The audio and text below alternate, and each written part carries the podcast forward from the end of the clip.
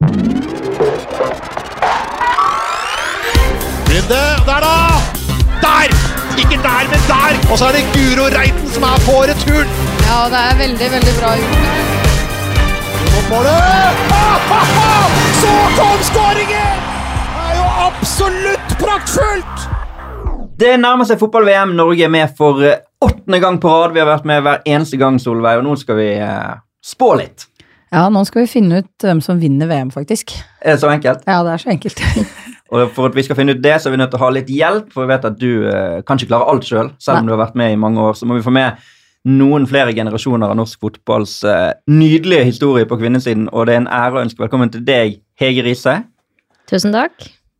Er du spent på fotball-VM? Jeg gleder meg veldig. Det er vel skikkelig gøy. Det blir forhåpentligvis gøy her i dag. Og Ingvild Isaksen, du, eh, aldersmessig så burde jo det vært der nå. Ja, det hadde vært eh, det mest optimale. Å ikke sitte her, men kanskje være med på pre-camp akkurat nå. Men eh, det er ikke alltid livet er som man eh, håper på. Det er helt riktig. Vi skal først skal bare kjøre et lite sånn introduksjonsspørsmål på dere. Norge har vært med nå er dette det 20. mesterskapet siden 1991. Hvor mange av de troppene tror du har vært uten noen av dere tre? Altså at ingen av dere tre har vært representert i en eh, norsk eh, mesterskapstropp siden 1991. Var du med i 2011? Du, jeg har ikke fått med meg et eneste VM jeg, på grunn av alle disse skadene mine, så da Da tar har vi vi ut meg. Da har vi ett Da er eh, der. et mesterskap der, og så er det 2015, da. Da var jeg med. Da var du med, ja. Stemmer. Da kom jeg liksom tilbake igjen, jeg. Ja, du, det var e- en av de En av de comebackene der. En av comebackene. Ja, Ja, er det bare én, eller? Det er helt riktig. Ja. Det er kun VM Jeg skulle til å si 89, men det var jo det uoffisielle VM. Mm. Men bare Det er eneste gang Norge ikke har gått videre fra gruppespill, eller? I I VM? Ja. Mm. Det er da vi ikke var med. Fikk dere Mm. med dere det? Ja. Mm. Viktig poeng. Ja, det er faktisk et uh, vesentlig poeng. Hege var jo med Uten å ta liksom æren for det. Men, Ja, det er sant. Og dette gjelder jo alle EM-ene også, og OL-ene som har vært, så har jo også noen av dere vært der. Så du var jo med i starten, Hege. Um, første VM, 1991. Ja. Hva husker du fra det? Jeg husker egentlig ganske mye. Det var et fantastisk mesterskap for oss. Vi, bortsett fra åpningskampen, vi starta mot Kina. Vi fikk så hatten passa. Eh, Føltes ut som vi tapte 6-0, men jeg tror det var 2-0, da. Men liksom den atmosfæren som var der, den eh, slo oss litt. Og så kom vi oss eh, over det, og fikk jo et, en semifinale mot Sverige, argeste rivalen da, og feide dem av banen. Og så møtte vi USA i finalen. Ganske tett kamp. Litt sånn Michelle Akers kraft og fart som avgjorde den kampen eh, Mm. til USAs fordel, men et fantastisk mesterskap.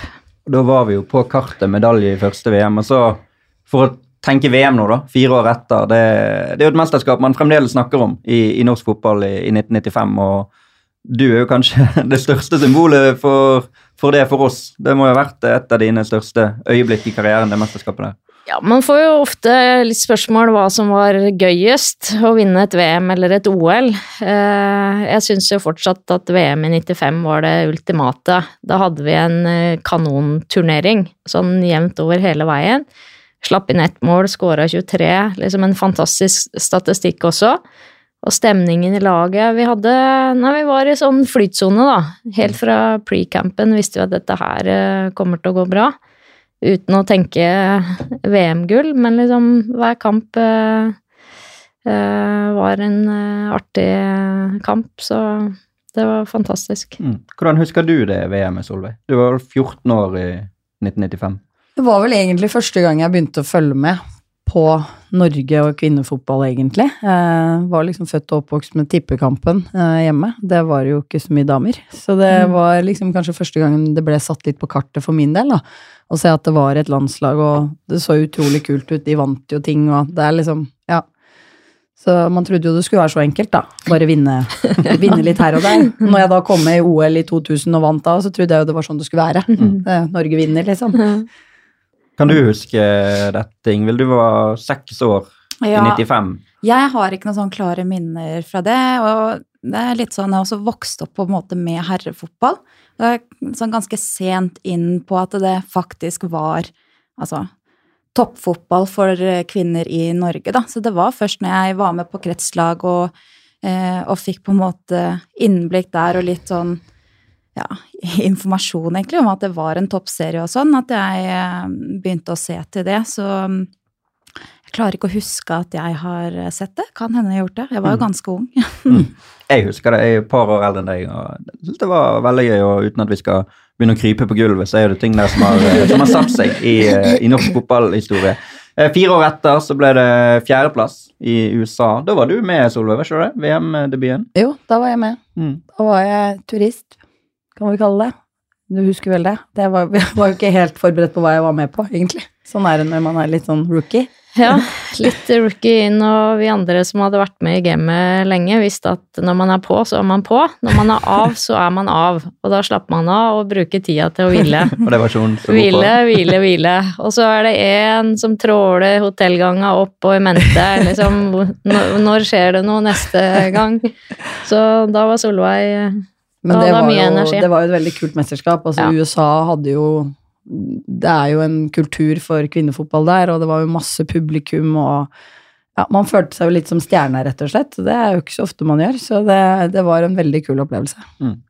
Og så eh, var vi også med i 2007. Da var, da var ikke du med lenger, Hege, men da var du, da var du aleine Da var jeg aleine, faktisk. av dere. Ja. Da, hvordan syns du den opplevelsen var? Nei, det var jo Kina. Mm. Kina er jo litt spesielt. Det er langt unna på en måte alle Du har liksom ingen på tribunen som på en måte følger deg. Også. det er litt sånn spesielt når det blir så langt unna. Og um, prestasjonene var vel sånn helt greit. Um, så det Slo var, Kina, da? Ja. Slo Kina i kvartfinalen. Det må jo ha vært en nedtur for de. Ja, det var en nedtur for de, og det var helt utrolig spesielt. For det er jo asiatere, de, de bråker veldig mye på tribunen. De følger ikke kampen, så det er bare en jevn støy hele tiden. Og det ble, når vi scora, det ble så stille. Og det var jo sikkert 40 50 000 på tribunen, så det var utrolig merkelig. Og for det, når du ikke er vant til publikum lager liv i det hele tatt, så var det veldig rart. Men eh, det var jo det, og så var det vel USA Var det USA vi møtte til slutt, eller? Som vi røyk ut mot? Ja, det var vel Ja, for da Ja, det var Ja, sånn nei, tapte semifinalen for Tyskland. Og så bronsefinale for USA. Ja, da hadde vi vel ikke sånn veldig stor sjanse. Vi var vel ikke gode nok akkurat i den kampen. Nei. Fire år etter 2011, da kunne du vært med, Ingvild. Du hadde debutert på landslaget et par Mm. år mm. før. Det var det som vi nevnte, det eneste mesterskapet. Ingen av dere var der. Og det ble nedtur. Det ble en nedtur. Det var både nedtur for meg personlig at jeg ikke var med, og så ble det jo en stor nedtur for, eh, for laget. Og jeg satt jo hjemme og bare sånn Det du har håpet på når du ikke har fått vært med, er at de i hvert fall kvalifiserer seg til OL, for da får man liksom en ny sjanse året etter. Mm. Men eh, ja, det ble sånn på huet og ræva ut av eh, mesterskapet. Tapte avgjørende kampen for Australia der og kom seg ikke videre. Fire år seinere, 2015, da var du tilbake, Solveig. Her hadde du vel lagt opp i 2011. Da, var det på tide.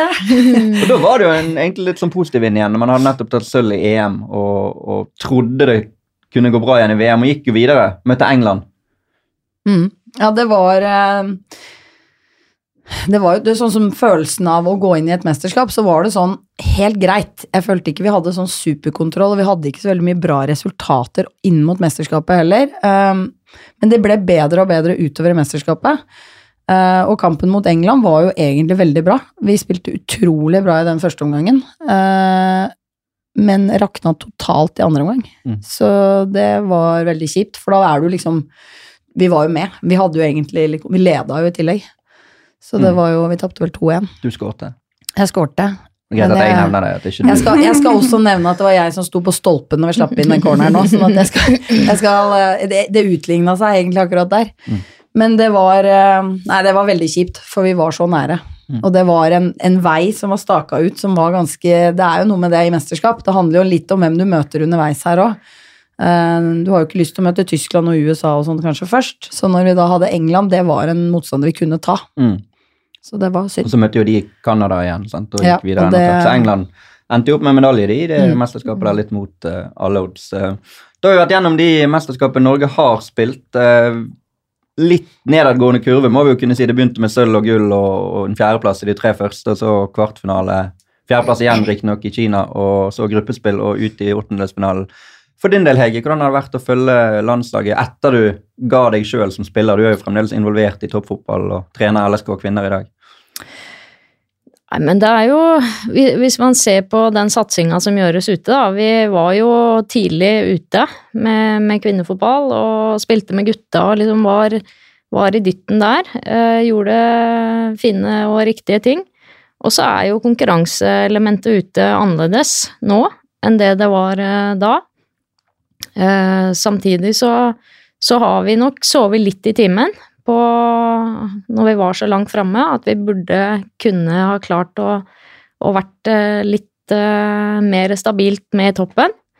Uh, så det mesterskapet vi går inn i nå, jeg håper og tror at, at vi skal melde oss på litt mer. Og, og høye ambisjoner har dem, men samtidig så det er jo viktig å sikte litt høyt. Mm. Det er et OL også. Liksom det å si at vi vi ja, ikke, ikke, sikter høyt nok, sier jo også at uh, OL ikke mm. At man ikke higer etter den plassen. Så det, det blir jo sånn dobbel, uh, dobbel greie, det. Ja. Men uh, For det er tre, tre OL-plasser til Eller Europa kjemper om tre plasser i OL. de ni europeiske lagene kjemper om åtte plasser, for det, Skottland kan ikke kvalifisere seg. For det, Storbritannia har bestemt at det er England som spiller om den plassen. Så ja. hvis Norge blir en av de tre beste nasjonene i VM, så får de også OL-plass. Mm. Um, du har jo spilt under Martin, det har jo du og Solveig, men Nei, du, du har ikke spilt under Martin Sjøgren, men du har fulgt han tett mm. uh, som vår ekspert. Men Ingvild er jo den eneste av dere som har spilt under han. Mm. Og når denne gruppen da går ut og sier at de skal ta medalje, så må jo det vitne om at de har i hvert fall en stor tro på seg sjøl innad i, i miljøet der. Ja, altså tror jeg det handler om at man ikke skal gå ut og på en måte altså sette ambisjonsnivået så lavt for seg sjøl, da. Og vi har vært med i en del mesterskap hvor vi har sett at det er så mye som kan skje, da. Hvis du først starter å vinne, hvis du først kommer godt i gang, så kan man liksom slå hvilket som helst lag. Eh, og mesterskap er veldig spesielt. da Man ser liksom Frankrike, som alltid er store favoritter, de, de klarer liksom det ikke helt. De ryker i kvartfinalen. De ryker i kvartfinalen. Så det er jo litt sånn de EM-ene jeg har vært med på, så har vi jo gått inn og vært litt sånn Shit, hvordan går dette, liksom? Og så har jeg med meg en bronse og en sølv fra, fra EM.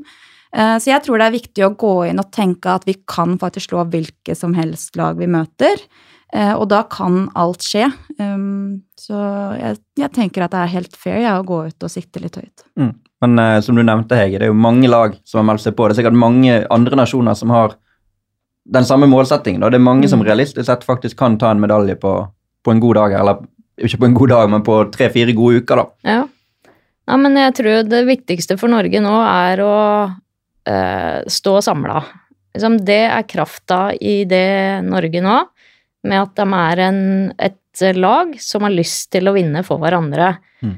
Og så får vi jo se da hvor langt det, det bærer, men jeg tror den krafta som er i det, det er Norges fordel nå.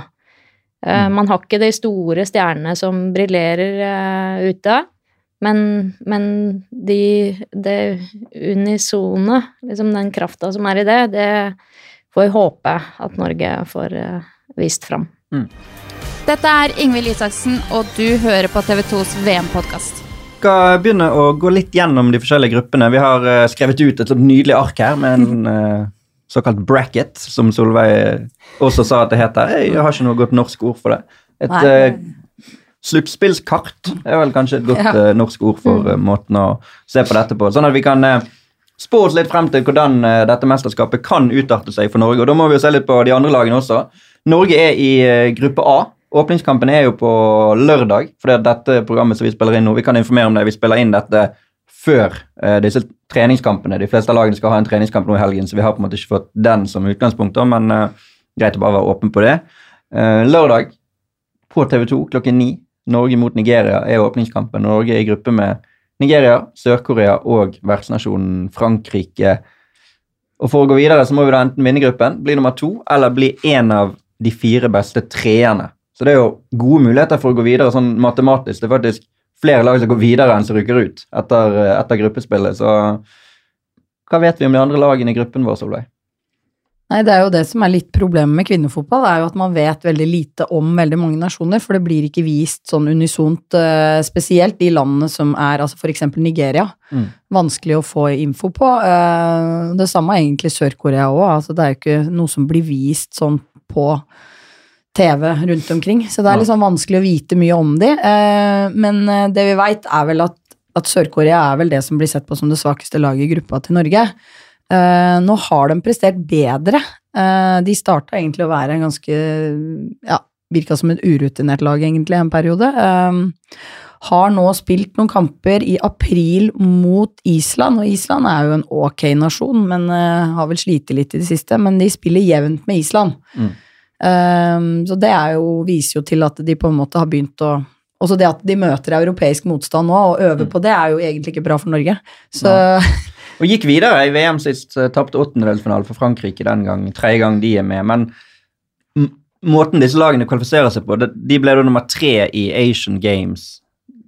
De hadde sannsynligvis ikke vært i, i VM hadde de måttet spilt den europeiske kvalifiseringen. Ingrid. Nei, Ingrid, det er jo helt klart at uh, den europeiske kvalifiseringa er langt tøffere enn uh, enn i de andre eh, verdensdelene. Så eh, vi ser jo bare på Oceania, som har en del lag som ja, kunne vært erstatta av veldig gode europeiske lag. Eh, så det blir litt variasjoner i kvaliteten i de landslagene som er med.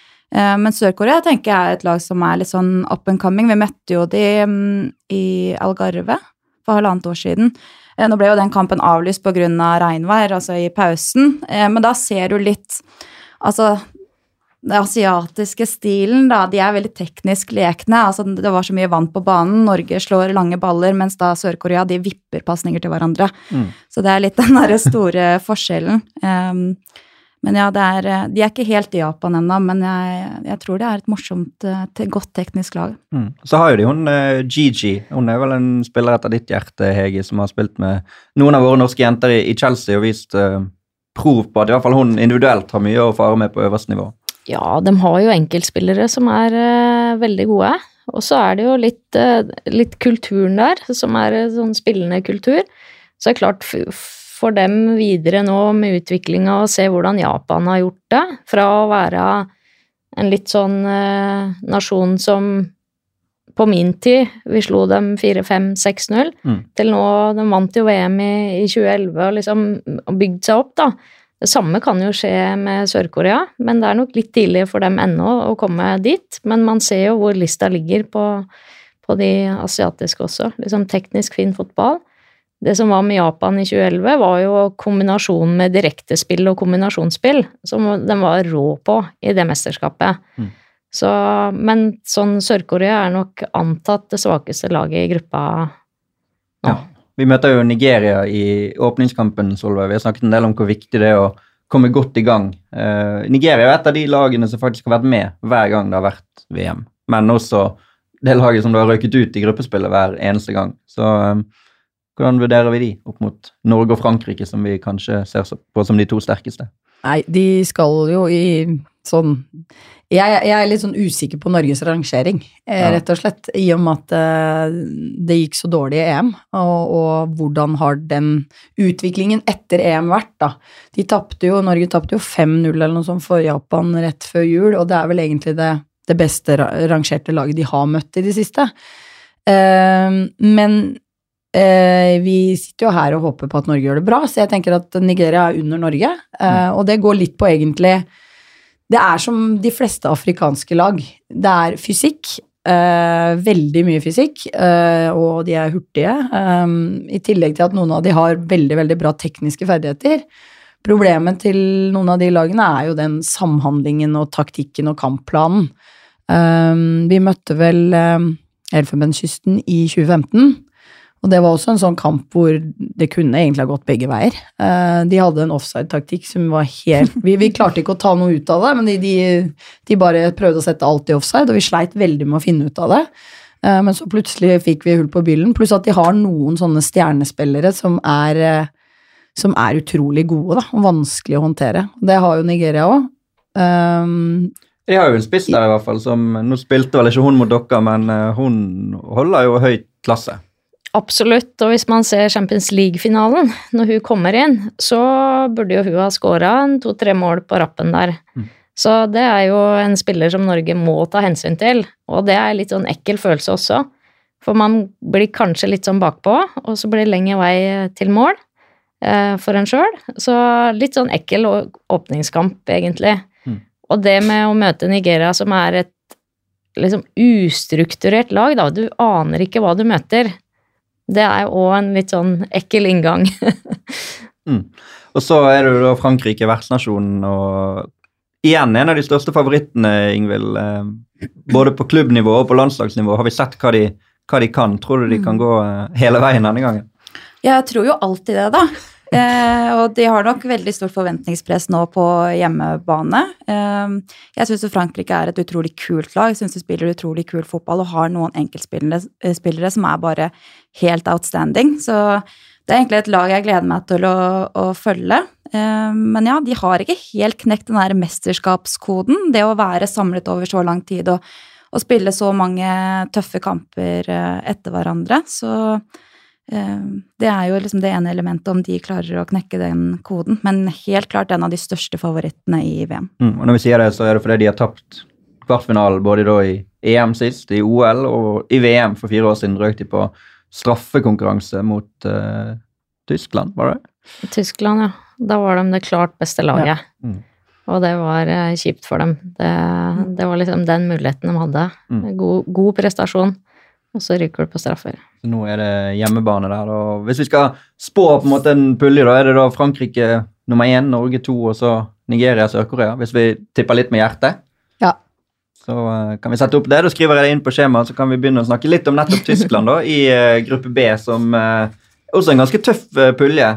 Tyskland er jo en annen av disse grossistene innenfor kvinnefotball. Vunnet VM-gull to ganger, 2003-2007, men liten nedtur nå sist, i hvert fall i EM, når de tapte kvartfinalen for, for Danmark. Revansjesugne tyskere, vil jeg tro. Ja, absolutt. Det er jo Dem er jo vant til å hente medaljer. Eh, og har gjort det fabelaktig de siste mesterskapene, og de kommer jo til å komme, men eh, jeg, jeg tror ikke dem eh, Jeg tror ikke de kommer til å være helt i toppen når mesterskapet avgjøres. Det tror jeg ikke. En tøff bulle der. Vi sier eh, Spania er også der. Et land som har tatt store steg nå. Eh, men som også hadde en nedtur i eh, EM. Ja, altså det er det, det som er både Tyskland og Spania er litt sånn Jeg klarer ikke helt å plassere de akkurat nå. Tyskland, som du sier, altså jeg har jo vært født og oppvokst med at det er sånn som alle sier, at det er jo maskineri i Tyskland. De bare går utpå der, og så vinner de kamper, liksom. Og de har vært desidert best hele tiden. Men nå de siste årene så har de ikke vært i nærheten av det type Det har blitt en annen kultur, da. Litt mer sånn at de har noen stjernespillere og sånn, men de har ikke liksom vært det laget som bare produserer målsjanse på målsjanse.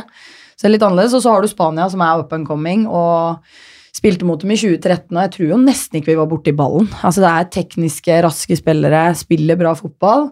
Uh, men, uh, Men, de heller har ikke knekt denne Nei, mesterskapsskolen. da. De det er litt jo, med Frankrike òg. Det er Ja. samme greia. Det er at de spiller utrolig bra fotball, men de glemmer at de må skåre mål.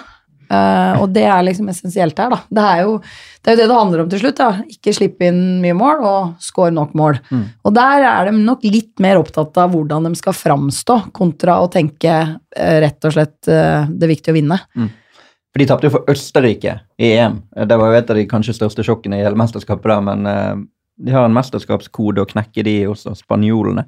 Og så har vi Kina, som også er et land som alltid har vært med. De var vel én gang ute, men vært med syv av åtte ganger i hvert fall. Som også kom til kvartfinalen forrige VM, tapte knepent for uh, USA. Er det sånn at uh, de også kan kanskje snyte Tyskland og Spania for topplasser her, tror du, Ingvild? Uh, ja, altså det er både Kina og liksom Sør-Korea. Sånn, disse asiatiske, landene er sånn like, og Kina har jo vært med veldig lenge, da. Men Kina var vel ganske mye bedre før. De var høyere oppe i toppen før og har vært litt gjennom eh, sikkert noen generasjonsskifter og sånn, og, og starta litt på nytt. Um, men uh, Norge møtte jo de i Algarve, og da var det jo Norge var jo desidert best. Ja. Da var jeg veldig skuffa over eh, Kina. Men Algarve Cup er også veldig vanskelig For det er så tett kampprogram at du veit at lagene bytter veldig mye. Eh, Norge gjør jo også det samme, og det er vanskelig å si Vi hadde også mange av spillerne som på en måte blir sett på som førsteelvespillere, som ikke spiller. Så det er liksom vanskelig å se på det som reelt bestandig, og spesielt da sånn som Kina og en del av de landene som har ganske mange å ta av, så vet du egentlig ikke om de kommer med andre spillere seinere, men, men da skuffa dem. Da syns jeg de ikke var gode i det hele tatt, så eh, de må ha, ha gjort noe annet enn det dere drev med i Algarve, hvis de skal hevde seg, i hvert fall. Mm. De er jo også et land som ønsker å slå litt tilbake da, på den store scenen. De tok uh, sølv i 99, så et bra nasjon, en bra nasjon sånn sett. Og så er det Sør-Afrika, som uh, debuterer i VM. Uh, som vi også har en treningskamp eh, mot, som er spilt når dere hører dette. Som ikke vi kan si noe om, vi har ikke sett det. Men det er jo sølv i Afrikamesterskapet i fjor, da, som gjør at de får, eh, får være med. Var med i OL, røk i gruppespillet der. Nok en sånn land som det er vanskelig å vite så mye om, kanskje. Ja, det vet vi veldig lite om. Eh, se på oversikten at de har spilt mot USA og tapte 3-0. Ehm, så det er vel egentlig det eneste jeg veit om de, Mm. enkelt og greit. Så det er vanskelig å si, vanskelig å vite hva de egentlig kommer med i det hele tatt. Uh, sånn som Nigeria og en del andre land, så vet du, der er det i hvert fall noen spillere som spiller også i europeisk altså, fotball, så du på en måte har litt kontroll på noen av stjernespillerne. Uh, usikker på om de har noen særlige spillere som vi har lagt merke til, så det Nei, det, det er litt sånn eh, Der veit du ikke hva som kommer, før etter å ha sett treningskampen mot Ja. Norge, da. Tyskland-Kina, eh, første kampen vi viser i hele VM på TV 2. Den går på lørdag klokken tre, så det blir spennende å se den. Kan lade opp med den før eh, Norge. Men hvis vi skal da eh, prøve å sette en liten rekkefølge på dette i, i puljen Tyskland, Spania, Kina, Sør-Afrika Ja. Jeg tror eh, Eller Spania foran det kan fort kanskje? være Spania foran Tyskland. Ja, altså jeg tror at Spania begynner å forhåpentligvis vise seg litt. Nå har jo dem hatt, eh, så vidt jeg veit, samme trener over litt tid. eh, Driver med samme laget, eller mye av det samme spillere. Tyskland bytta jo trener etter fadesen i EM. Mm. Eh, samme med Kina. Etter at de kvalifiserte seg til VM, så bytta de jo også trener. Eh, han Siggy var jo trener der. Ja. Så der er det to nasjoner som har bytta, og sikkert trenger litt eh, tid på å sette noe. Så jeg tror kanskje at jeg ville tippa Spania Ja, men og Tyskland, det. Kina og Du har VM-gull, så du har veto hvis Ja det blir litt ja. uenig, ja. Vi, hører på det. Men da kjører vi inn eh, Spania på topp der, da. Spania, Tyskland, Kina og Sør-Afrika. Og så er det gruppe C. Og der har vi også et par store nasjoner. Eh, Brasil er vel kanskje den mest kjente for kvinnefotball, i hvert fall. Eller fotball generelt, er åpenbart. Mm. eh, Brasil er også et av de landene som har vært med hver gang. Men de røk i åttendedelsfinalen for fire år siden, tapte for Australia den gang. Det var vel litt overraskende da, kanskje. Ja, altså, det er Brasil er det jo alltid sånn De har alltid noen stjerner. Så jeg tenker at de på en måte Jeg forventer egentlig mer av de hver gang. Eh, men, eh, men nå begynner jo sånn som Martha å bli litt eldre, hun òg, så det er, det er liksom ikke helt det samme Hun er med. Hun er med, tror jeg. Jeg har ikke hørt noe annet. Jo, Så, men eh, det er jo også er det jo noen Alltid noen nye unge, og vi har jo sett i Avaldsnes har jo hatt noen spillere fra Brasil. De har hatt flere, og det er jo klassespillere, mange mange av de. De har mange gode spillere, men så er det det å sette sammen dette puslespillet av et lag, da, og få det til å fungere. Um, det har de jo slitt litt med, så jeg ser jo på resultatene deres. De tapte for Spania, tapt 1-0 for Skottland, tapt 1-0 for USA, tapt 3-1 for Japan, så det er, det er ikke noe sånn stabilitet i, i det de leverer. Um, nei, så jeg er litt usikker på Brasil, men den gruppa de er i, er jo ikke den tøffeste gruppa. Nei, de andre lagene der, vi kan gå videre til uh, Australia, da, som slo ut Brasil sist. Uh, røk uh, deretter i kvartfinalen for Japan. 0-1 kun den gang mot et bra japansk lag, så Australia er vel litt sånn på vei, på vei opp, kanskje. Vært i tre kvartfinaler på rad i VM nå. Ja, jeg syns det er et sterkt lag. Mm. Jeg syns de har kommet mer og mer og fått satt, fått satt eh, et hardtarbeidende lag, da. Og så finner du jo noen enkeltspillere med Sam Kerr, som har vært litt i USA, litt i Australia og spilt, som begynner å vise litt sånn bra internasjonal klasse, da. Verdensstjerne. I tillegg til liksom det kollektivet som jobber beinhardt, så er det sånn at jeg tror at Australia kan vinne den uh, pulja der. Og så er det jo uh, Italia, som uh, ikke har vært med i VM på 20 år. Men jeg husker da jeg var liten, da var nå Italia med. De, var ikke det de som snøt oss på hjemmebane der? Jo, jo. Italia var jo ja. en arg konkurrent. Men de har altså ikke vært i VM siden 1999 og er med for tredje gang. Var med i EM, røk i gruppespillet den gang. eh. Ingvild har jo spilt i Juventus, Ja. så du må jo ha litt Mm, si. her. Ja. Hva er eh, Nei, de er jo Altså, det satses veldig stort i Italia nå, da. Eh, og jeg har sånn inntrykk av Italia, de er veldig sånn uredde. Eh, jeg ser det i de kampene de har spilt, så det, er, det har vært mye trøkk. De har hatt høyt press, som egentlig kanskje har overrasket meg litt, grann, for det var ikke eh, så veldig gjennomgående i ligaen. Eh, men de har, altså de har ganske mange gode spillere, men de har ingen sånn helt sånn verdensklassespillere, og de fleste spillerne spiller vel også i hjemlig liga, som heller ikke er den aller beste ligaen. Um, så de kan prestere veldig godt, men så tror jeg også de kan bli tatt på en del ting, eh, kanskje spesielt defensivt, da. Um, men jeg syns de har en sånn morsom gruppe som vil veldig mye, og som har egentlig veldig stor tro på at de kan eh, gjøre det bra. Så det, det blir veldig spennende å se dem. Åtte Juventus-spillere i troppen, så noen mm. kjente ansikter for deg blir det på det italienske laget. Da. Det så er det Siste lag i den gruppen er Jamaica, som også debuterer i VM.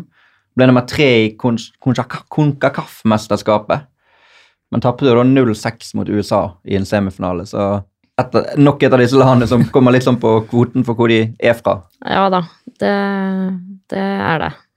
Så vi kan kanskje allerede sette de som en jumbo i den gruppen. Ja, de kan fort Men da får vi ta en liten diskusjon da på de andre lagene. For du mente jo at Brasil hadde en grei gruppe, mens Hege tror jo kanskje at Australia vinner gruppen. Så det er en liten krangel her på hvem skal på hvem er det som faktisk går videre? Ja. Ja. Nei, vi må jo rangere de, da. Nei, jeg ble jo imponert over Australia. Altså, om det var forrige mesterskap eh, eller om det var et før der. eh, Hvor de, altså den innstillinga og Mm. den jobbinga og, og det krona med litt mer rutine nå, da, og med noen stjernespillere, så er de også Altså, de er jo gode. Men det er bare sånn for meg, så er det sånn at Brasil skal jo gå videre. Altså, det er liksom ikke noe det er egentlig diskusjon på det, egentlig. Så, fordi det er sånn Sånn er det i fotball-VM. Men de går videre som nummer to i gruppen nå. Ja. De går Så det- videre som nummer jeg- to, og da, Da går de videre. da møter de Ja, da møter de Norge, da. Hvis Ja, eh, vi blir nettopp. nummer to i Ja. vår eh, Mm. gruppe. For det er A2 mot C2, så mm. vi setter opp det, da. Australia på topp, og så Brasil inn i en åttedelsfinale mot Fint. Det er jo Norge-Brasil i VM-sammenheng. Det Ja, klinger jo det klinger veldig litt. bra. Også Italia som nummer tre i eh, gruppen. Så får vi se om det er godt nok til å bli beste treer. Der må vi bare rett og slett velge noe etterpå. Du hører på TV2 Sportens VM-podkast. Eh, gruppe D. Eh, Japan, som du nevnte, Hege. Gull i 2011, sølv i 2015. Eh, kan de klare medalje igjen, tror du? Ehm, nå har ikke jeg sett så mye resultater de har gjort nå, men det har, de har jo skapt en kultur Mm. som Før så var det ikke noe vinnerkultur. Det var en kultur for ballbesittelse og fin fotball. Og så skrudde de til, og så kombinerte de det med litt mer sånn litt kynisme eller smartness eh, på, på det å skåre mål og skape sjanser og sånn. Eh, og erfaring nå gjennom mesterskap, så de kommer til å være i, De hadde jo der. noen veldig gode spillere òg. Ja. Jeg vet ikke om de spiller lenger, det har jeg ikke satt meg inn i akkurat nå. Men, de har i eh, hvert fall hun Kumagai fra Lyon spiller. Hun er jo Ja. kaptein på laget der. men det var en annen midtbanespiller der. Ja. Sva, jeg husker ikke hva hun heter. Ja, men, eh, Svava, ja, hun spiller ikke lenger. Hun Nei. har lagt opp. for det var noen som var toneangivende for det laget. I akkurat den biten der med å strø pasninger og, Mm. Ja. og variere på en måte kampbildet mye mer, da. Mm. Så, men jeg ser jo på resultatene nå at de har uavgjort 2-2 mot uh, Tyskland, tapt 3-1 mot Frankrike, tapt 3-0 for England, uh, slo Brasil, og uavgjort mot USA, og knust Norge. Det er det de har, Mm. egentlig. Så det er vel ikke kanskje like Altså at de kanskje ikke er helt på det nivået de var når de tok VM-gull. Tapt 0-3 for England, som du sier. Det er jo i gruppe med England. England som tok bronse sist, og som vi vet at satser veldig og går til dette mesterskapet med ambisjoner og medalje. Presenterte jo VM-troppen med alt fra Prince William til store artister. Det var ganske kul, den videoen. Ja. Så, eh, Hva tror vi om England, eh, Ingvild? De, eh, Jeg har ganske store forventninger til England. Mm. De har spilt mot god motstand i år og vunnet mye, så jeg føler at de går inn eh, med en veldig stor selvtillit til dette mesterskapet. Eh, Jeg tror faktisk at England kan være et av eh, medaljelagene i VM. Mm. Syns det har skjedd mye i England. De har altså fått opp lagene i England. At det er jo mange store lag i England nå som satser hardt på kvinnefotballen. Så jeg mener at, at de kan prestere veldig godt dette mesterskapet her. mm, var i semifinalen for, for to år siden, tapte 0-3 for Nederland da, men eh, viste at de er kommet for å bli også på kvinnesiden. Absolutt. De spilte en treningskamp mot Danmark nå på lørdag, og da sparte de en del av de stjernespillerne sine. Allikevel så var de Ja, de vant 2-0, tror jeg, mot Danmark nå, og ja, virka veldig solide. Mm. Og så dytta de på stjernespillere etter hvert, og da liksom da gikk maskineriet litt eh, mer enn normalt igjen. Mm. Så det er en outsider eh, til medalje. Og når vi sier stjernespillere, hvem er altså, De har jo noen både på Chelsea og hun i Barcelona, Dugan, Duggan, men jeg vet ikke hun Hun er kanskje ikke helt der at hun er stjerne på landslaget, eller? Uh, nei. Jeg tror ikke hun har vært det. Nei. Egentlig, De har en del andre, hun Kirby i hvert fall. Altså, de har jo flere bra spillere, og ja, Sterke stoppere, sant? ja Mm. Mm. typisk engelske stoppere, egentlig. Mm. Um, Så er det Phil Neville som trener. Han er vel kanskje den mest kjente treneren av alle, åpenbart for det han har gjort på herresiden, men uh, har jo fått resultater med kvinner nå, da. Så det er vel hans første mesterskap. Så det blir spennende å se. Ja da, han tok jo over en god kultur Mm. fra han, nå husker jeg ikke hva han het, han som var Samson, var det det? Ja, Mark. som uh, måtte gi seg av noen andre grunner enn sportslig. Så han tok jo over en god kultur som var skapt og lagt eh, lista for da. Så det blir spennende å følge England. Og så har vi også Skottland i den gruppen. Det blir jo en eh, batalje der med England-Skottland. Den skal vi også vise på søndag klokken seks. og Vet ikke hva skottene står for. eh, debuten deres i VM. Tredjeplass i gruppespillet i EM for to år siden. Tapte 0-6 for England da. Men de slo Spania mm. i en gruppespillkamp, så noe har de jo kommet med. Ja, de, de er nok Altså, de er jo som alle andre europeiske lag. Altså, de er på en måte De har jo en struktur og en kontroll på hva de driver med. Eh, så har de kanskje ikke helt eh, stjernespillerne nødvendigvis, men, eh, men det er nok et lag som ikke Det er sånn Det er ikke noe walk in the park. Det er ikke som å møte Thailand. Det blir Mm. på en måte en helt annen greie, og de klarer å forsvare seg, og de er kanskje gode på dødballer, og det Så jeg, jeg tror på en måte det er ikke noen sånn enkel match, og spesielt ikke for England, hvor jeg Nei. tenker at uh, der er, det blir litt sånn Derby-oppgjør, da. Men, uh, men England er jo bedre enn Skottland, så de, de må jo ta en trepoenger der. Mm. Det som kan bli uh, litt overkjøring i de fleste kampene, er jo Argentina, som er med i VM for tredje gang. De var med i 2003 og 2007 og har en total målforskjell på 2-33 for de seks kampene de har spilt. Tapte bl.a. 0-11 for Tyskland. Forhåpentligvis noe bedring nå, da.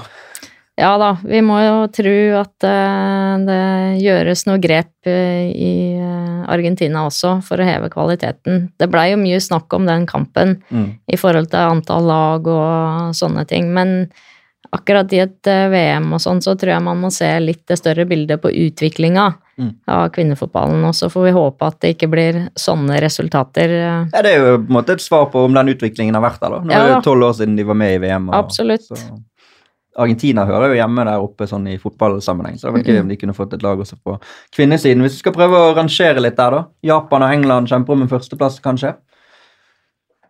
Ja, det vil vi jo tro.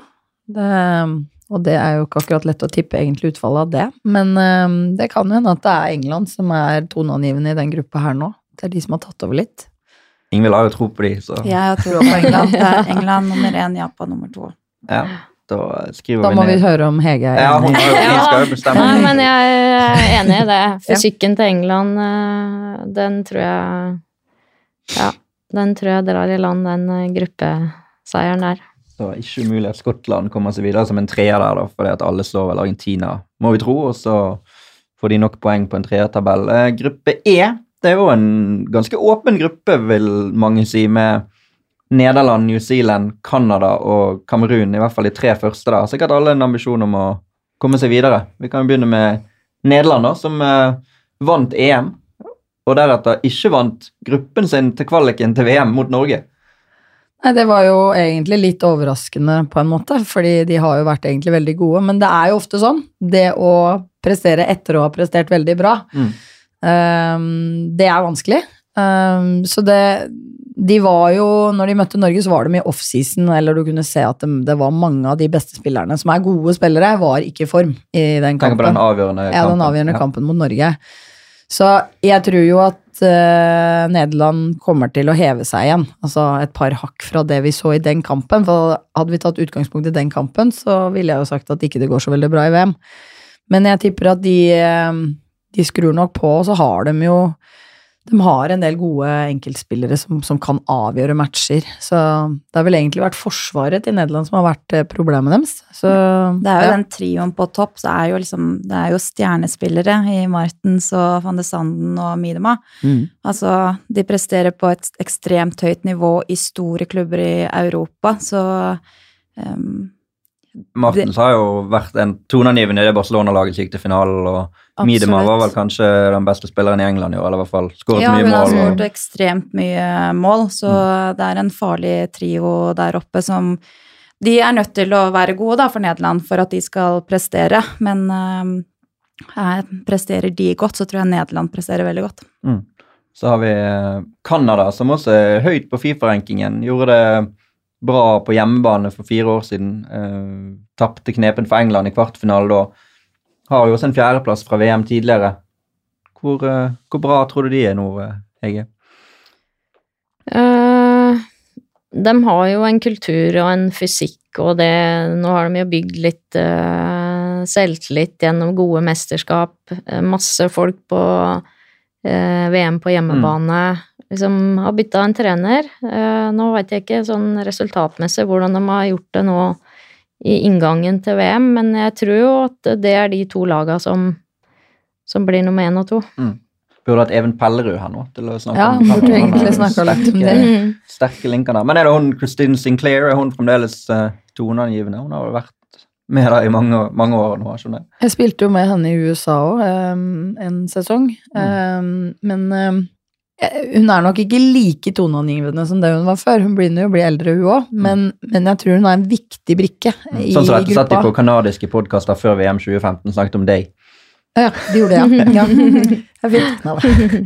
Nei, men det var det som er litt poenget, er at hun har en, hun har en kultur. eh, hun er på en måte, Jeg veit at hun er et bindeledd også litt mellom trener og, og spillergruppe. I, i forhold til at Hun har jo mye mer erfaring enn mange av trenerne som er inne. og og så er hun en spiller som kan levere. Hun leverer plutselig. Eh, hun ser liksom egentlig ikke sånn supergod ut, men hun har eh, noen avslutningsteknikker og dragninger som er, eh, er på ekstremt høyt nivå. Da. Så hvis hun på en måte er skadefri og ja, er god, så er det Jeg står det vel at hun har 300 kamper og 200 mål for landet sitt. Så da har hun levert litt over tid, da. Absolutt. Så, det må vi si. Og så er det New Zealand, da, som har spilt et par kamper mot Norge nå, det eller i hvert fall én kamp, og så er det en hemmelig kamp som ingen vet noe om hvordan hvordan gikk. Det har vi ikke lov å si til noen. Hvis noen vet det, så hold det for dere sjøl. De har aldri vunnet en kamp i VM. 0-3-9 på de eh, kampene de har vært. eh, Det er femte gang de er med nå. Men eh, de vant da dette Oseania-mesterskapet. Men der er jo ikke Australia med, for de spiller jo i Asia. Så eh, hva, kan, hva kan New Zealand komme med? Har de mulighet til å kjempe med Nederland og Canada om topplassene her, eller? Nei, det tror ikke jeg. Um, eh, den kampen jeg så mot Norge også, ble jeg ikke sånn kjempeimponert. Det er snakk om Eh, den offisielle, sant? Den offisielle, ja. Jeg har ikke sett den hemmelige. Um, da var jeg ikke veldig imponert over Norge heller, akkurat den kampen der. Men jeg tror ikke New Zealand har sjans til å kjempe mot Nederland og Canada om de to øverste plassene. Så det blir jo om de klarer å kare seg til en eh, tredjeplass i gruppa. Mm. Og Da er det eventuelt Kamerun som må slås. De eh, er med for andre gang i VM. Til, gikk videre sist. Tapte knepen for eh, Kina. Eh, slo annet Sveits i gruppespillet den gangen, så kanskje litt sånn outsider til å kunne komme seg med som en beste treer, i hvert fall, fra denne gruppen. Ja, det blir det samme. Jeg ser de har spilt uavgjort mot Nigeria her i en kamp. Eh, altså, og blitt knust 4-0 mot Spania, så de er nok liksom der. De er ikke der oppe, men du vet ikke helt hva som kommer. Mm. Og det er det som, eh, ja, som gjør det litt spennende, da. At du Det er jo alltid noen outsidere som plutselig presterer, så Det kan være Kamerun. kan være Kamerun òg, det. Hvis vi skal plassere disse her, da. Nederland og Canada er jo de to som vi må velge mellom på topp. Noen som har noen sterke preferanser for noen av de. Jeg tenker egentlig at den er ganske jevn, da, men sånn i utgangspunktet ville jeg kanskje gjettet Nederland på topp. Jeg skal ikke krangle på det. Da kjører vi det. Vi viser åpningskampen til Nederland mot New Zealand på tirsdag klokken tre. Så da blir det Nederland 1, og så blir det Canada 2. Og så New Zealand eller Kamerun 3, da. Jeg tror det blir Kamerun, Ja. jeg, dere. Vi går for. Kamerun. Ja. gøy. eh. Og folk ler av oss hvis New Zealand går hele veien og blir outsider i dette mesterskapet. Bare spiller Vi hemmelige slo jo Norge, da, så Ja. vet du Og de tapte for Norge i den kampen som var med. uh, gruppe F, der har vi jo da to av um, To av de største nasjonene på kvinnesiden, må vi kunne si. Både USA og Sverige har vært med hver eneste gang. Uh, USA har jo tatt medalje hver eneste gang det har vært uh, VM. Regjerende mester. Vant også i 91 og i 99.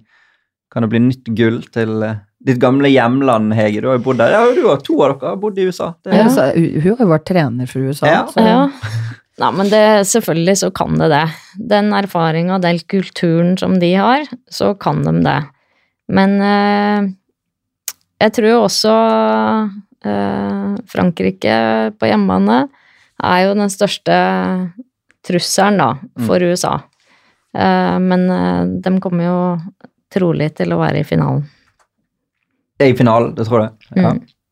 Ja, de er jo, det er jo noe med dette eh, når du har den rutinen du har. Og så har jo de mange av de samme spillerne. Det er jo Lloyd og Morgan og Rappino er vel fremdeles bra. Lloyd altså. har vært benka ja. ganske mye. Hun unge, mye hva hun heter? Mm. Pew. Pew. Yeah. Pew. Mm. Hun sier jo folk at skal være veldig spennende nå før Eller hun var vel gjerne med sist, da, men mye offensiv kraft i hvert fall. da. Men Ja, så tror jeg liksom USA har bare en så ekstremt Altså, folk har så respekt for USA. mm, Eh, og går inn i kamper og bare tenker Altså, USA er bare verdens beste landslag. Eh, og den Når man går inn i en kamp med det, så blir de verdens beste landslag. Selv om de kanskje ikke har egentlig altså de største stjernene i verden.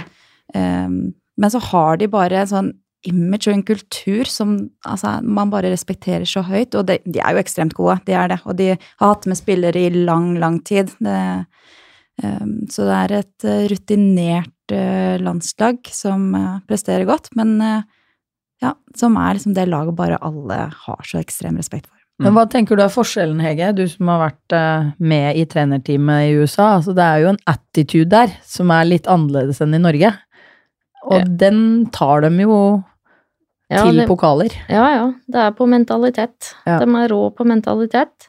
Og ikke nødvendigvis hver og en uh, individuelt, men liksom laget, gruppa, uh, nasjonen. Det er en uh, enorm stolthet for dem. Mm.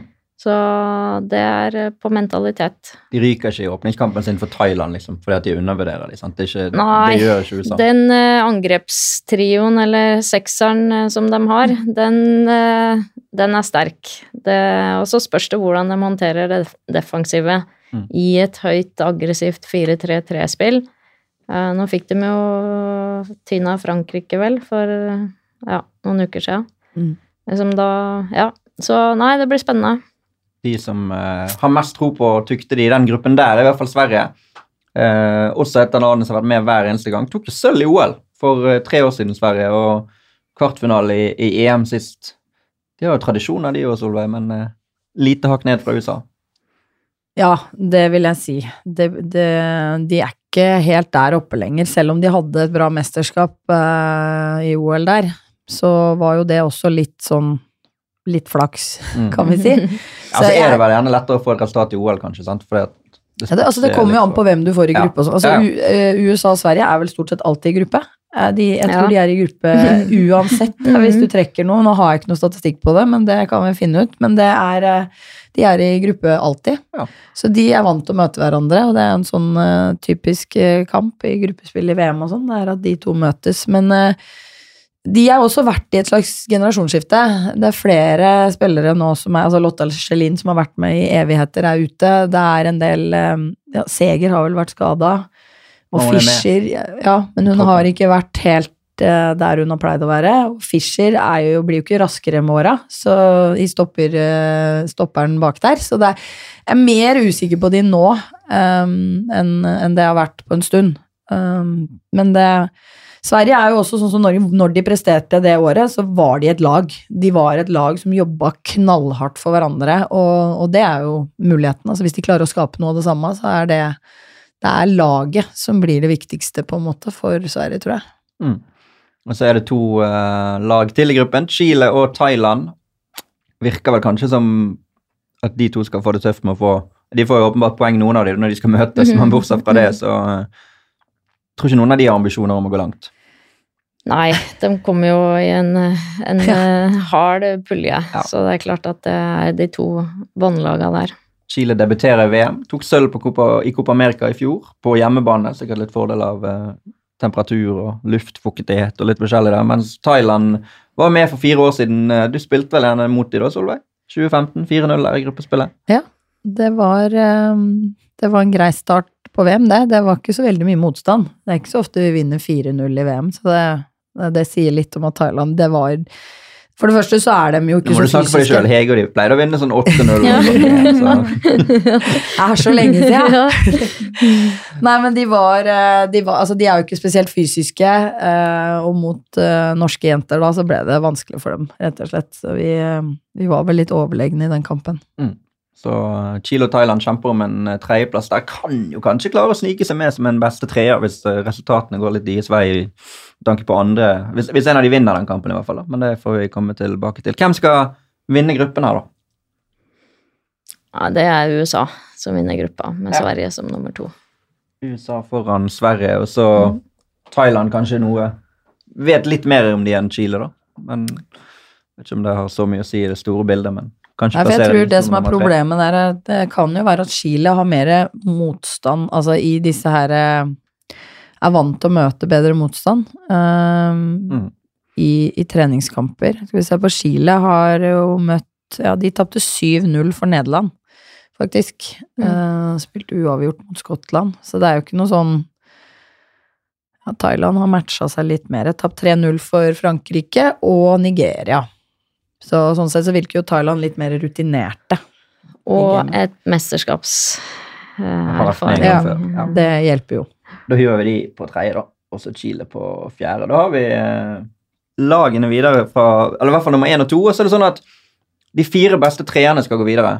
Og da lages det en sånn intern tabell mellom de lagene som er blitt nummer tre i gruppen. Nå har jo ikke vi spådd noen resultater og sånn helt på detaljnivå, så det er vanskelig å si hvilke treere som blir de beste treerne. Men eh, det er jo rimelig å anta at de gruppene der, de jevneste gruppene, der vil kanskje treerne og firerne være ganske likt. Kanskje to lag på fire, kanskje fire lag kan komme på fire poeng noen steder, litt forskjellig der. så Hvis ikke dere har noen sånn veldig motforestillinger mot det, så bare plukker jeg fire treere, og så plasserer vi de litt random. Er det Mm. innafor? Høres ut som en veldig Ja. god idé. Ja.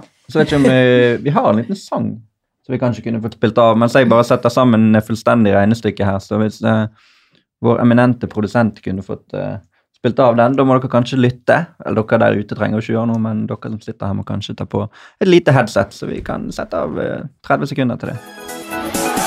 For vi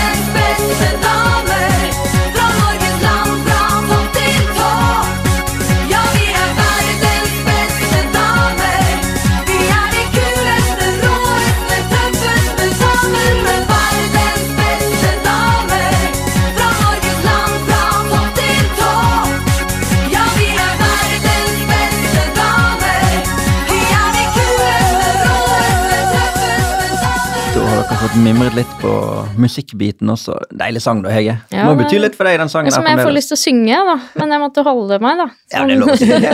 så ikke Måtte holde igjen litt. lyttere. Hvis det er noen som vet om noen av jentene som liker å synge, så må dere ta det med oss, for vi skal spille inn litt sånn underveis i mesterskapet. Kanskje vi kan få noen av spillerne med og sånn, så Jeg tror Caroline. Karoline Graham er veldig glad i å synge. ja, ja.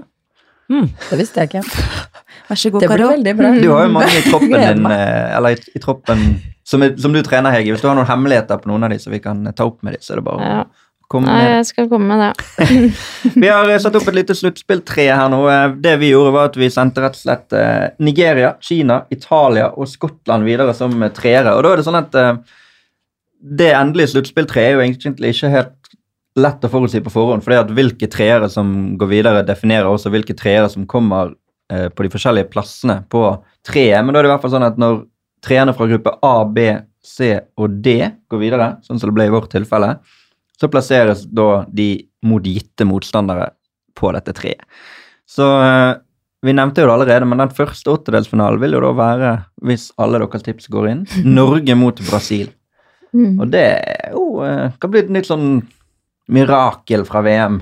Ikke like stort mirakel, eh, kanskje, men eh, hvordan står vi mot et eventuelt brasiliansk lag i en åttendelsfinale?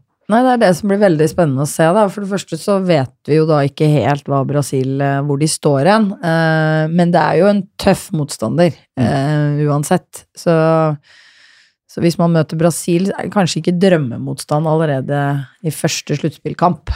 Nei.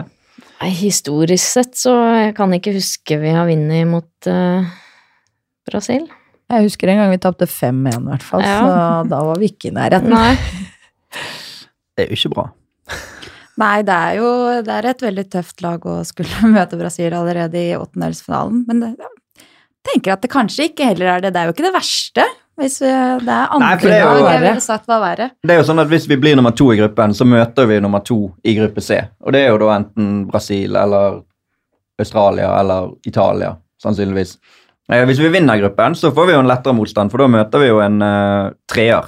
Eller i hvert fall et utgangspunkt til lettere motstand. Så det er jo klart at hvis du ikke vinner gruppen, så vil du få en relativt tøff motstander uansett. Og hvis vi blir nummer tre i gruppen igjen, så vil vi jo møte en gruppevinner fra en av de andre gruppene, litt avhengig av hvilke andre som går videre. Så hvis vi realistisk sett sier at Norge blir nummer to i gruppen, så blir det jo uansett en litt tøff åttendelsfinale. Det blir det jo, og sånn Mm. sett så er det jo kanskje ikke Brasil den verste heller, da. Eh, kan vi si. Så. Ja, men jeg tror jo det å møte Brasil kontra Australia, da, hvis tipset går Mm. inn, så Mm. tror jeg det er fordel oss møte Brasil. Ja. Skal vi driste oss til å tippe Norge videre fra en åttendelsfinale mot Brasil? Ja, det må vi. Vi må tippe med Ja. hjertet. Det er bra. Da blir det Det Norge. Det er vi. deilig. Første lag i kvartfinalen. Norge. Mm. Og så er det England mot Kina i den neste potensielle her. Eh, Du har jo lyst til å få England langt her, Ingvild. Skal vi Mm. Tro at de slår Kina? da? De må jo nesten det. Ja, og det tror jeg jo, da. Skulle de møte Kina, så tror jeg England eh, vinner. Kina er jo en, da, en treer vi har tatt med videre, så eh, jeg tror ikke jeg hadde lagt pengene mine på Kina.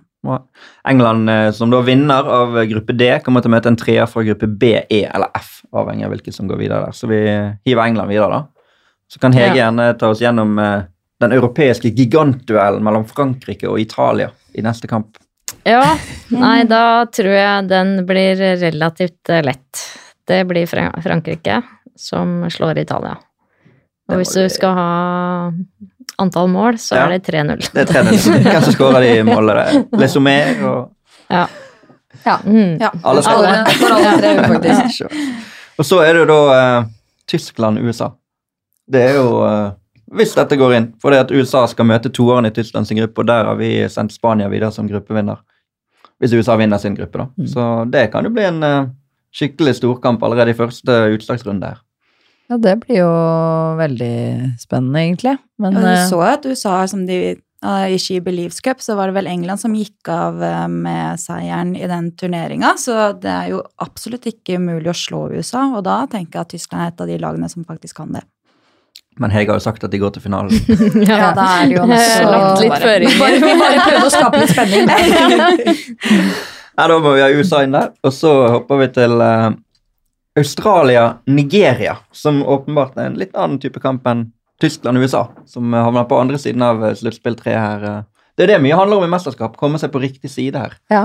Man, man glemmer egentlig litt det, for det er jo noen ganger du kanskje burde ha blitt en treer istedenfor en Jo, altså, men det er noe med Jeg ser jo nå at Norge er helt på, klart på feil side av det, da, når vi har Ja. satt opp det her. Men det er sånn tilfeldighet med de treene. sant? Et, et mål i en annen kamp i en annen pulje kan jo sende et lag hvor som helst. Sant? Så du kan ikke kalkulere deg inn heller på, på Nei, men på liksom ener og øh, toer så ser det jo ikke så bra ut sånn generelt for Norge. Enten så er de jo De er på den sida uansett, da, for det er Frankrike på samme side. Ja, Det er en tøff side sant, de, uansett det, her. det kan være bedre å bli nummer tre. Det er helt Mm. riktig sånn Um, ja. turneringstremessig. Mm. Ja. Legger du inn et element som vi kanskje burde tenkt på. Må ta en prat om dette. Ja. Men Australia-Nigeria, da, hvordan vurderer vi den? Hvis den forekommer. Nei, der tror vi vel at Australia tar den. Ja. Og da kommer de til å møte vinneren av Nederland-Japan, som også er en tøff duell i en åttedelsfinale. Sendte Nederland videre som vinner og Japan som, som toer. Uh, hva tror du om en eventuelt Nederland-Japan-kamp, uh, Ingvild? Ja, den syns jeg faktisk er veldig vanskelig å spå. Um, jeg har lyst til å tenke at Japan slår Nederland, jeg. Jeg har jo, altså Mitt forhold til Japan er bare å bli eh, overkjørt, så jeg klarer liksom ikke å se for meg at Japan skal tape en kamp, for det er de verste kampene jeg har spilt. Det har vært mot Japan, så jeg tenker at Japan vinner mot Nederland. Det er jo en eh, ganske åpen kamp, for den angrepstrioen til Nederland, da, med den farta som de har eh, Japan har jo ikke en sånn fart i, sin, i sitt lag, det å håndtere det, men samtidig, da, så er det den ballbesittende stilen som de har, som kan ta Nederland. Så Nederland har jo ikke noe sånn veldig bra forsvar. Nei. Så ja, så det kan være Men eh, jeg, jeg er litt for Japan. Ja da.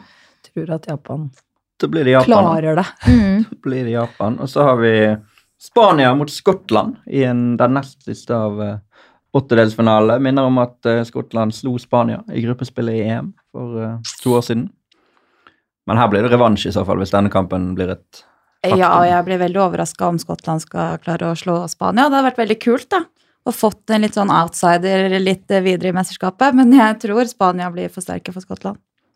Da tror vi bare hiver inn Spania. Vi hiver inn Spania. Så er det Sverige-Canada som eh, vil være den siste av åttendelsfinalene. F2 mot E2 blir uansett en eh, relativt tøff eh, kamp i og med at eh, vi har såpass gode lag både i gruppe F og E. Tror du Sverige kommer til å slå Canada? Jeg tror ikke det. Nei, ikke ærlig. Jeg tror de ryker. Håper det, Veldig trist. Veldig trist at de ryker ut så tidlig. Ja, men da Og egentlig så må vi også tenke litt på at vi må ha ut flest mulig europeiske Ja, lag. ja, ja. ja, hvis dette da Det er skjult eh, agenda inne. Absolutt. Skal vi komme til OL, så er Vi, det bare vi rydder det. vei. Hvis det blir som dette, så er det jo da faktisk bare eh, fire europeiske lag eh, i kvartfinalene. Norge er en- ett av de, og det skal eh, gis tre plasser. Så vi får se om eh, Kanskje OL-plassen er klar allerede her eh, på dette papiret her nå. Norge-England. Kvartfinale. Revansj fra fire år siden. Ja, Vi må jo satse på en revansj, Ja, ja. men da, Og da tipper vi med hjertet. Mm -hmm. Hvis vi skal gjøre det. Ja. Men hvor mye tipper vi med hjertet? Ja, da tipper vi mye med hjertet. Sorry, men jeg Mm. sliter med at Norge skal slå England. Vi har allerede tippa mye med hjertet. Så men, Og vi har eh, allerede slått Brasil, så, så, så Ja. Så jeg er eh, Ja. Det blir ikke noe eh, Wonder of Le Havre 27. juni. Nei, jeg tviler på det. Altså, det er nok England som ryker av med Ryker ikke av med seieren, men Nei, de stikker av med seieren. Da får vi få England videre der. Og så er det Frankrike da, i kvartfinalehinderet sitt, og denne gangen er det USA. Ja, Men USA skal jo til finalen, så dette blir jo veldig problematisk. Ja, du sier Frankrike ryker i kvarten hver gang. Ja, det er jo Tar vi med historien, så er det USA som vinner denne kampen her. Mm. Nok en sånn stor kamp. Det ble tøff vei for USA. her. Men man kan jo også tenke Ja, at jeg bommer på at USA er i finalen. For nå er Frankrike på hjemmebane for første gang. Og hvis det skal skje noen gang at de knekker en kode, så kan jo det være nå. At de, eh, at de, de hadde jo en god match mot USA nå Mm. sist. Det var også hjemme, var det ikke det? I Frankrike. Jo, jeg tror det var det. Så Herrelandslagene til Frankrike har jo tradisjonelt gjort det veldig bra når de har eh, arrangert mesterskap. Ja. jo Så det kan hende at vi må se bort ifra den finaleplassen til USA, og at Frankrike Det er deres tur. der. Ja. Ja, men da kan vi med Frankrike derfra, da. Og så er det Australia-Japan, den eneste av kvartfinalene uten europeisk eh, deltakelse. Hva sa du nå? Australia-Japan. Ja. Det har, de har jo kanskje møttes eh, på sånn derre Ja, Australia har jo spilt i Mm. den asiatiske, eller en, eller en del av eh, Ja. asiatiske forbundet på en del turneringer. Mm.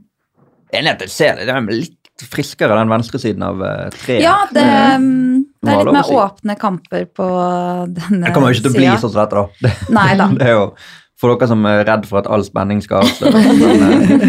Men, eh, men du har jo litt tro på Australia, Hege. Så Ja. du ut Japan òg? Ja, jeg har det, altså. Jeg tror at de kan gjøre det. Mm. Ja, Vi kan gå til Australia videre der. Og så er det Spania-Canada, da, i den siste. Da vinner Spania. De Mm. knekker kvartfinale. Nå. Nå er det litt Koden knekking av koden. Nå er det Spanias tur. Ja, det er Spanias tur. Mm. Hvis det blir sånn, De er veldig sånn rettferdige. Det blir sånn noen annenhver gang, liksom, hvem som skal få lov. hvis det blir sånn, så blir det ikke OL på Norge.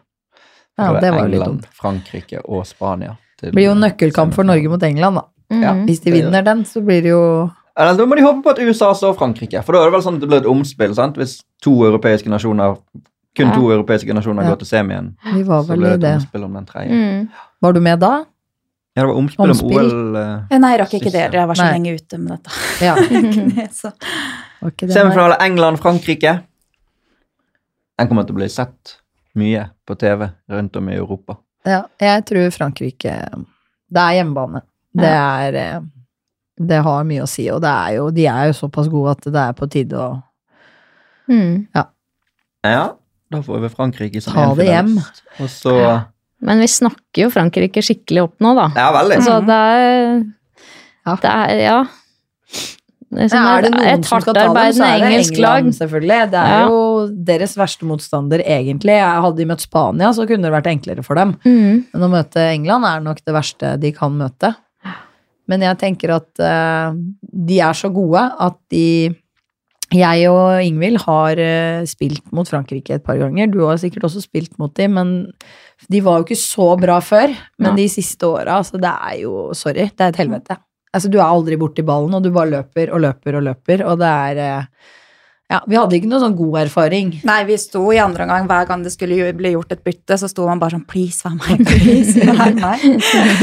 Dette var en treningskamp rett før et mesterskap. Eh, tok ikke med oss sånn selvtillit inn i det mesterskapet. Så det er, altså Frankrike er så gode. Så jeg, eh, Nå har de kommet seg videre fra kvartfinalen her. ja, Mm. og det er noe annet enn England. England kan gjøre det vanskelig for Frankrike. Nei, men jeg tror jeg, Mm. Jeg tror Frankrike ja, vinner på straffekonk. Oi. Mm. I Lyon. Det blir en spennende kamp. Og så er det Australia-Spania, da. Litt sånn outsider-semifinale på den andre siden. Har det plutselig blitt der? det er, Der har det blitt helt uh... Hva har skjedd? Ja, for Tyskland og USA er ute her, sant? De har slått ut hverandre, og Frankrike har slått ut USA, og Nederland har røket, og Japan har røket, så det er det sånn det er blitt. Ja, og så er det jo liksom Altså Nederland og Australia, det er jo ikke noe sånn at Nederland er så veldig mye bedre enn noen av de andre, så det, det er jo en, en helt annen verden på den siden av den Mm. lista. Ja, litt mer Litt mindre forutsigbar, kanskje. Mm. Litt jevnere lag eh, sånn Så det er- handler rett og slett for Norge om å komme seg over på den siden her, da. Egentlig. Ja. De. Hva må de gjøre da? bli- Vinne gruppa? De bør bli Nigeria. Ja, de må bli nummer, Mm, ja. de må bli nummer tre i gruppen. Ja. Men det er jo selvfølgelig avhengig av at ting går som det Ja. Det er ikke sikkert det går sånn i de andre gruppene. Da, sant? Men sant, for Tyskland kan jo komme her i stedet for Spania, eksempel. Men eh, Australia-Spania, enkeltkamp, semifinale. Hvem vinner? Australia. Ja. Jeg turte ikke å si Hege mot snakket om Hege, og hun har snakket de opp så mm. veldig nå, nå, så nå er de i finalen, Ja, faktisk. er, De gjør, det gikk de fort, gjør det utrolig bra. Er du, har du noe, så, er noe skjult her? Allianse som vi ikke vet om? Er. Nei da, Australia til VM-finale. Det har vært gøy, da. Det har vært gøy for, eh, for idretten. Om Ja. Australia hadde gått eh, hele veien til en finale. Det må vi jo si. Så da er det Frankrike og Australia i finale, da.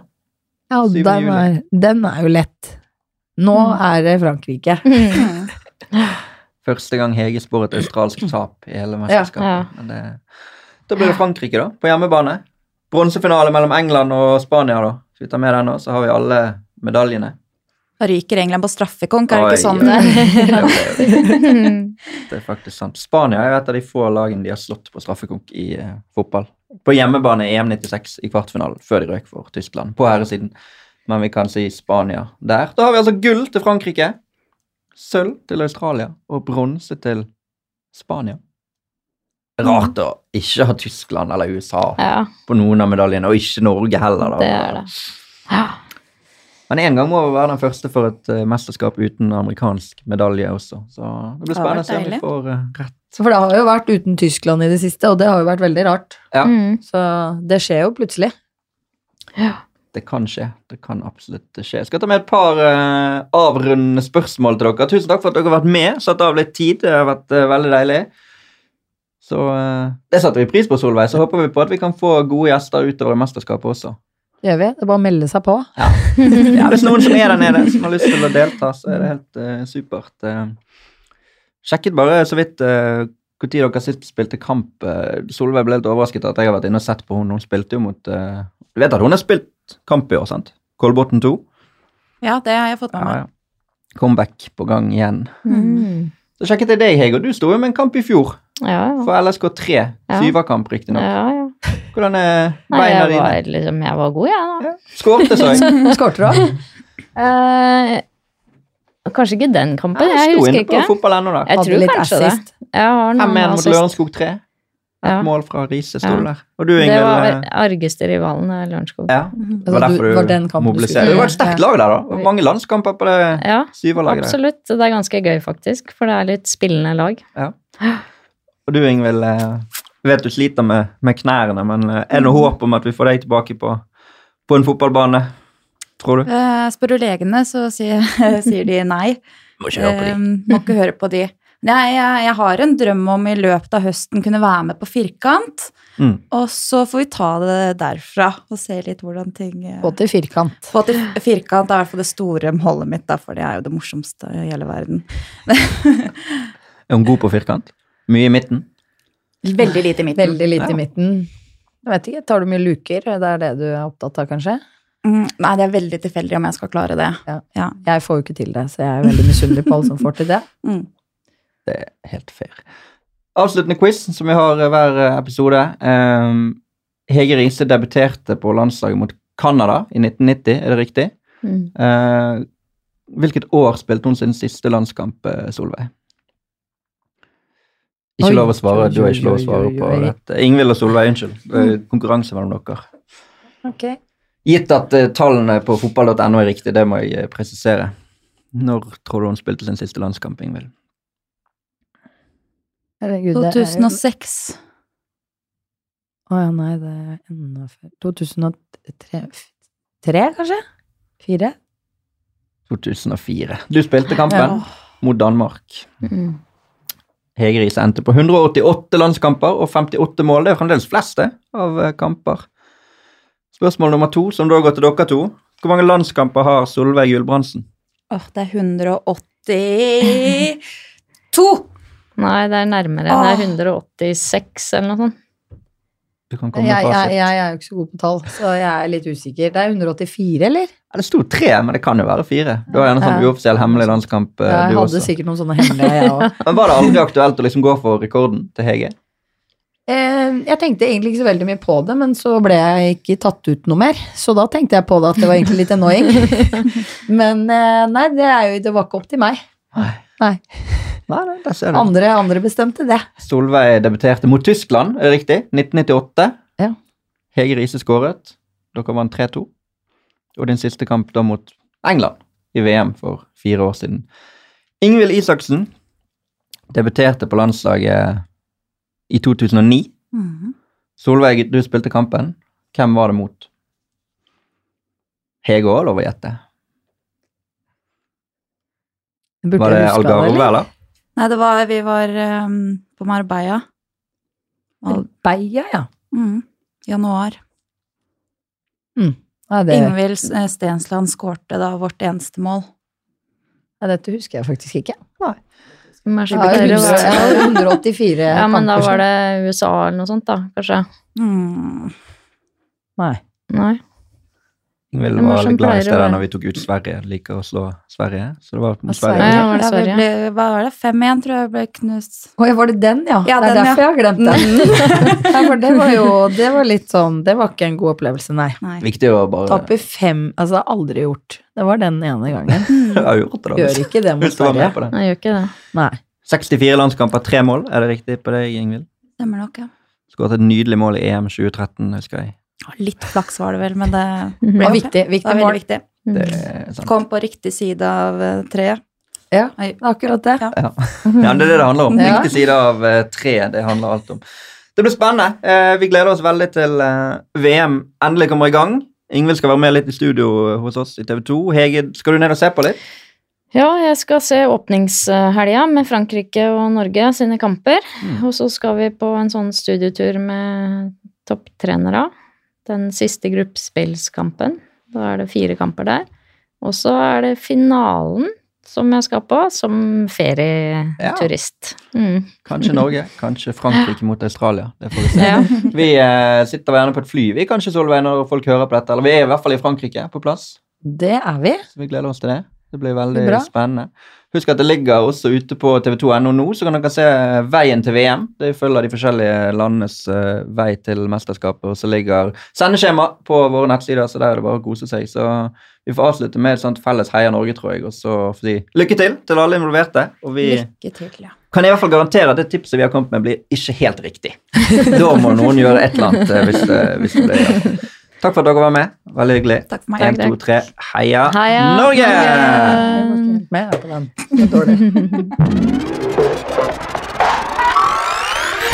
Runde, der da! Der! Ikke der, men der! Og så er det Guro Reiten som er på returen. Ja, det er veldig, veldig bra gjort. Målet! Ah, ah, ah! Så kom skåringen! Det er jo absolutt praktfullt! moderne media.